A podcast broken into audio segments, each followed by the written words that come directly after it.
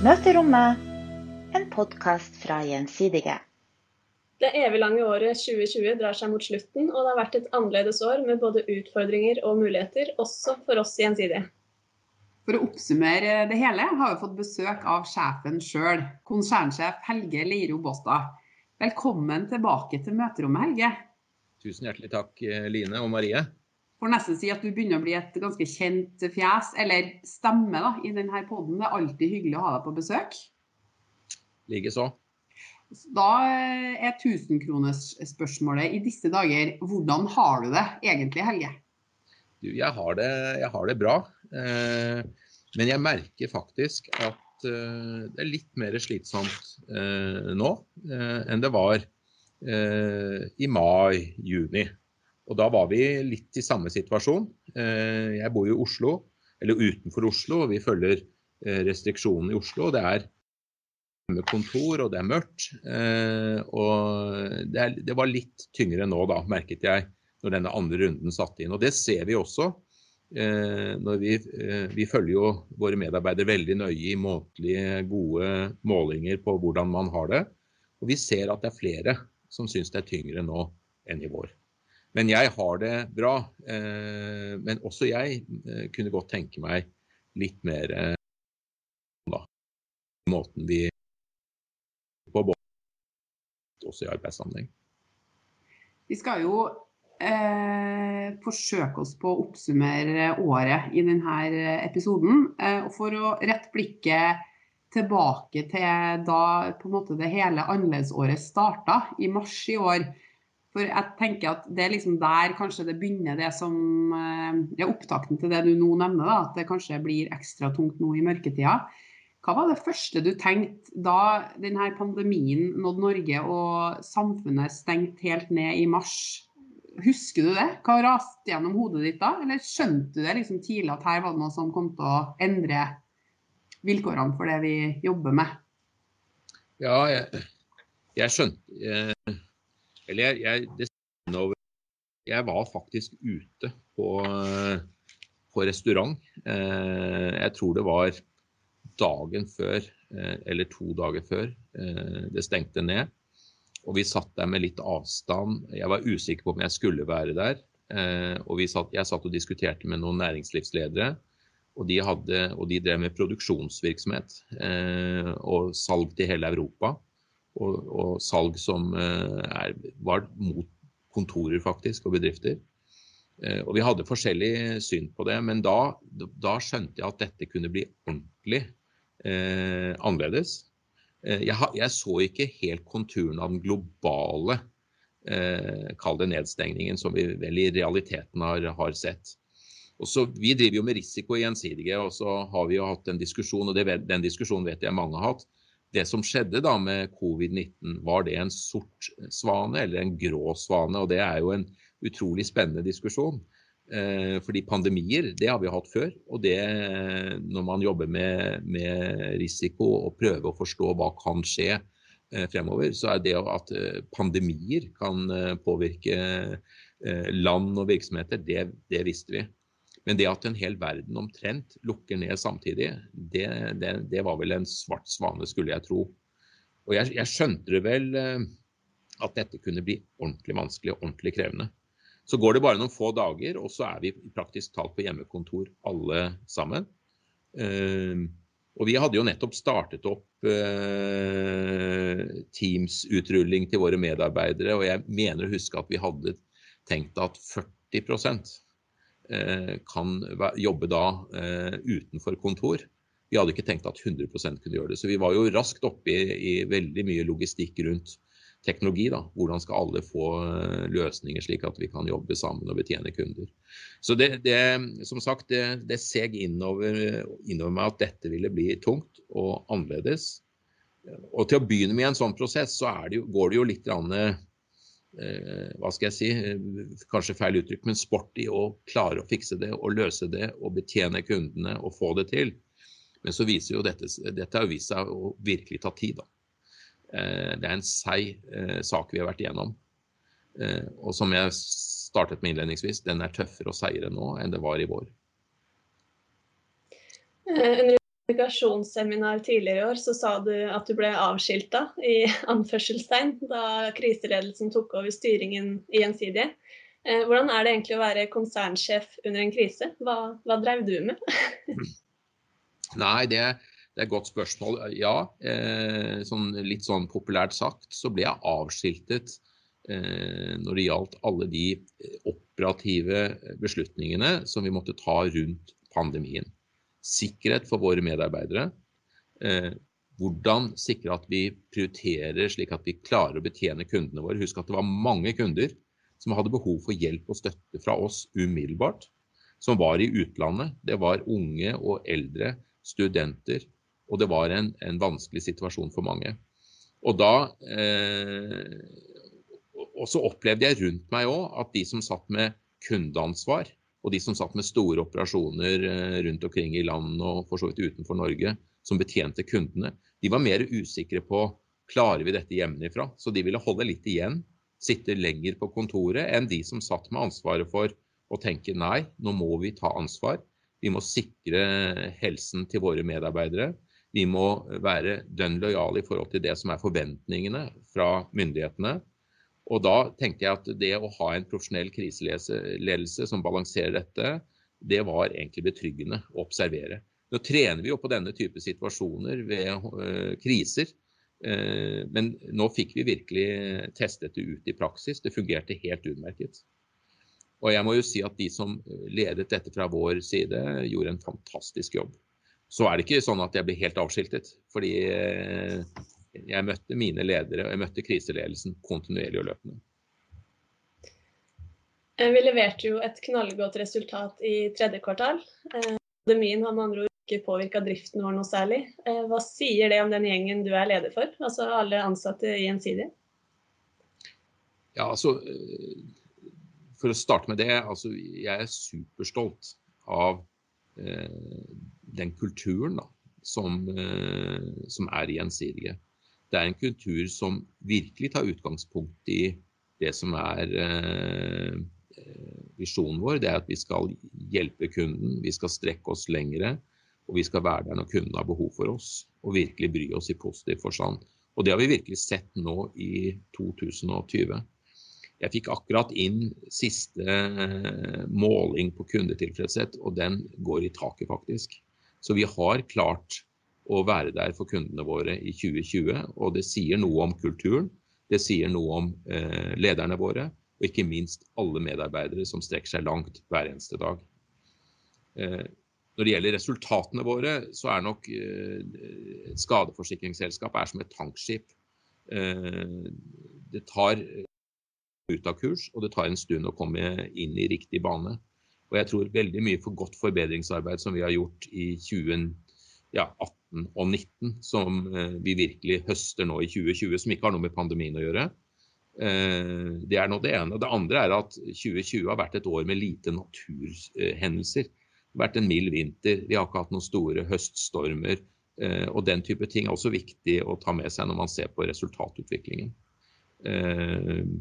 Så først og fremst så dreier det seg om litt tilfeldigheter, og det dreier seg om masse godt forbedringsarbeid i forkant av 2020 utrolig mye snakk om denne pandemien. Eh, samtidig som det har skjedd en del andre ting i samfunnet rundt oss og i verden ellers. Jeg lurer på, Helge, hva syns du har vært mest utfordrende for oss som selskap i dette året vi legger bak oss? Nei, Det er jo det er voldsomme svingninger, da. Eh, husk at i første kvartal eh, det gikk kjempefint. Det var mild vinter. Eh, januar var bra, februar ble bra. Finans, vi, vi, har jo to store viktige inntektsstrømmer inn i selskapet vårt. Det ene er forsikringssiden, og det andre er jo investeringsområdet. Vi er en stor investor. Og så ser vi eh, at alle sluser åpnes i andre halvdel av mars, og vi får et negativt finansresultat på mer enn halvannen milliard kroner. Så vi taper massivt eh, på stort sett alle aktiva-klasser. Samtidig med at verden lukker ned. Eh, rundt oss. Og så har du jo eh, situasjoner som eh, Vi er jo avhengig av de internasjonale kapitalmarkedene. Og, og, Parallelt med dette så har du en uavklart situasjon i England rundt Englands tilknytning til Europa. Og så får vi et ja, jeg vil nesten kalle det et reality-show knyttet til valgprosessen i USA. Så summen av alt dette, det har jo dreid seg om masse usikkerhet. da. Eh, og usikkerheten rundt pandemien, i hvert fall i første fase, den har jo vært hvor lenge varer det? Hva betyr det for et forsikringsselskap over tid? Hva betyr det for oss som er store i Norge? Eh, så det har vært mye usikkerhet. Heldigvis så har vi vært eh, finansielt sterke, og vi har evnet å drive forretningen vår, på en annen måte fra ulike lokasjoner. Så, så, jeg har fått større grad av trygghet og selvtillit på det gjennom året. Men jeg vil si til å begynne med så har vært summen av usikkerhet vært ganske stor. Eh, og da er det jo viktig at vi eh, gjør de rette tingene da, og tilpasser oss på riktig måte.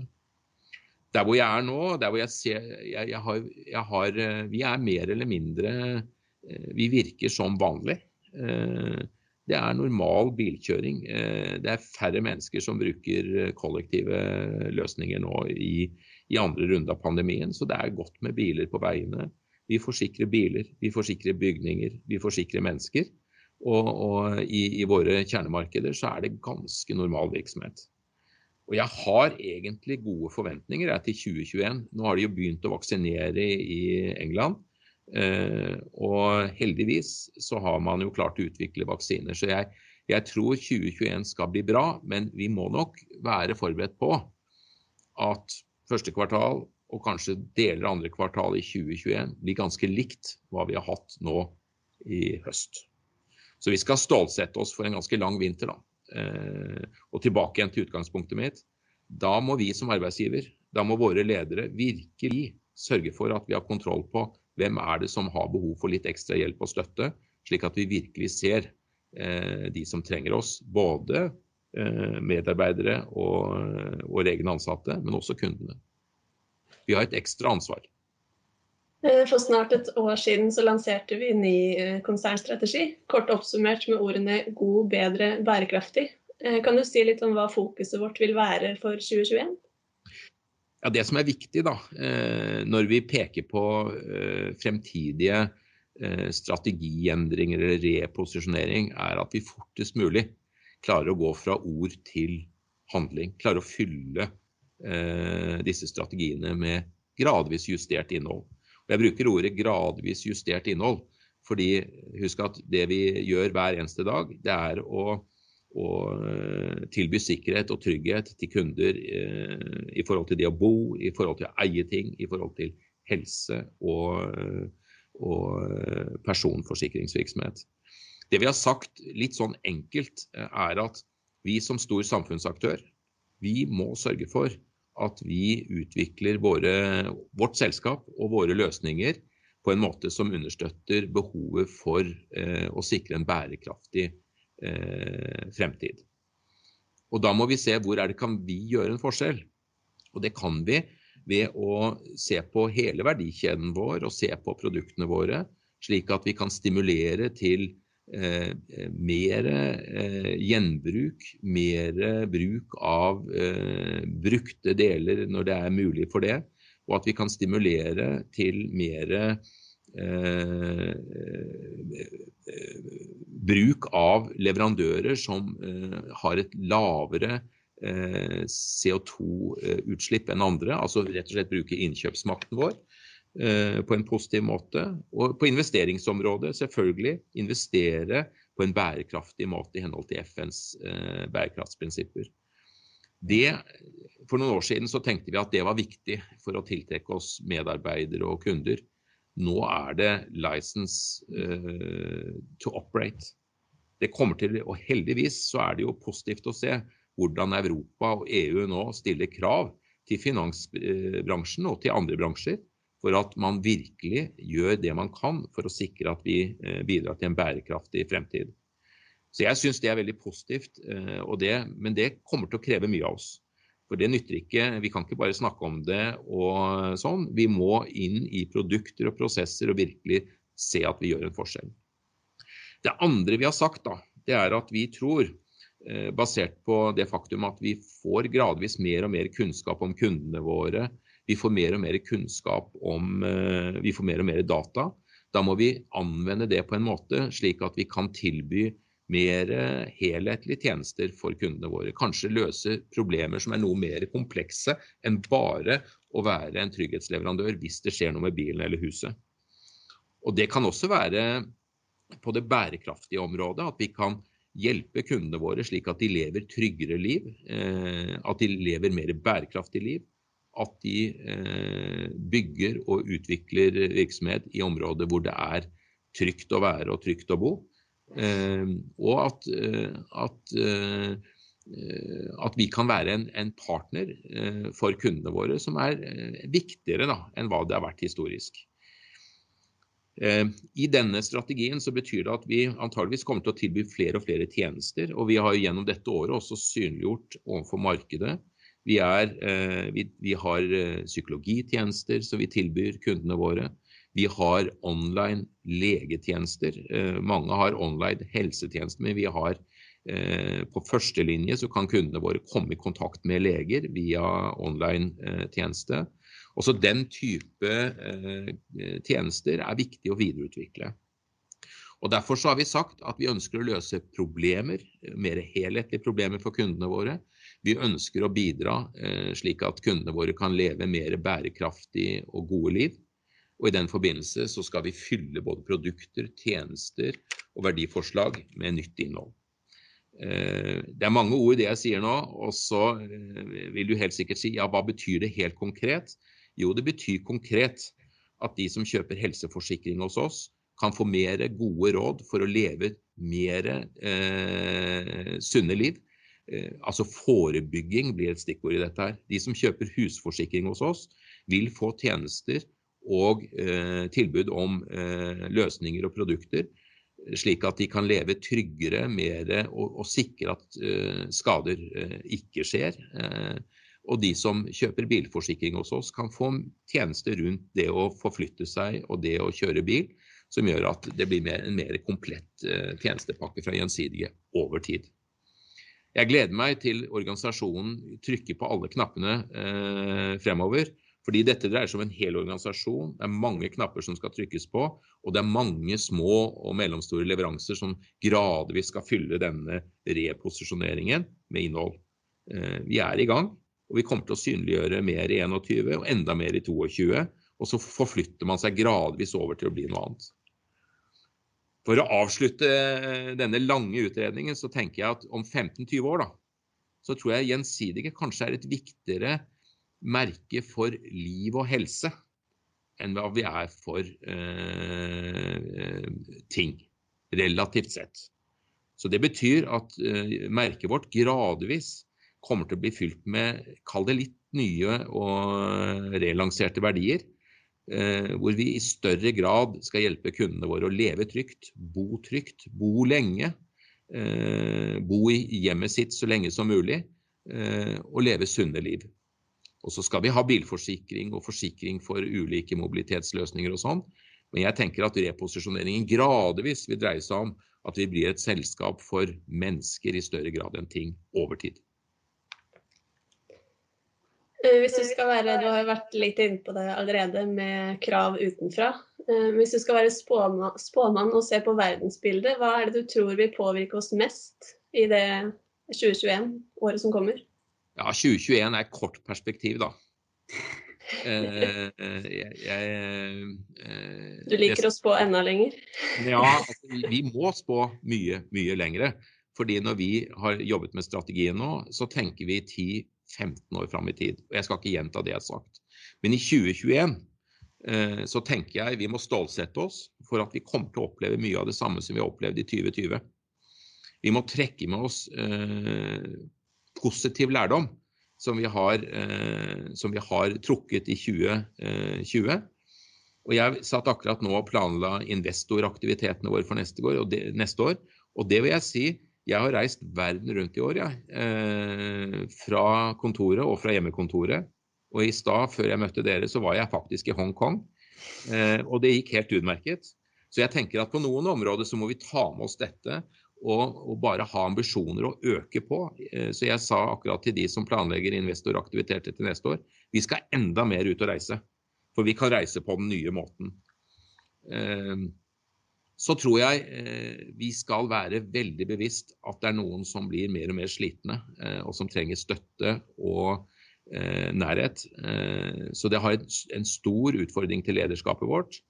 At vi ikke bare sier at nå har vi funnet en ny normal å kjøre på, for den nye normalen kan være krevende for enkelte.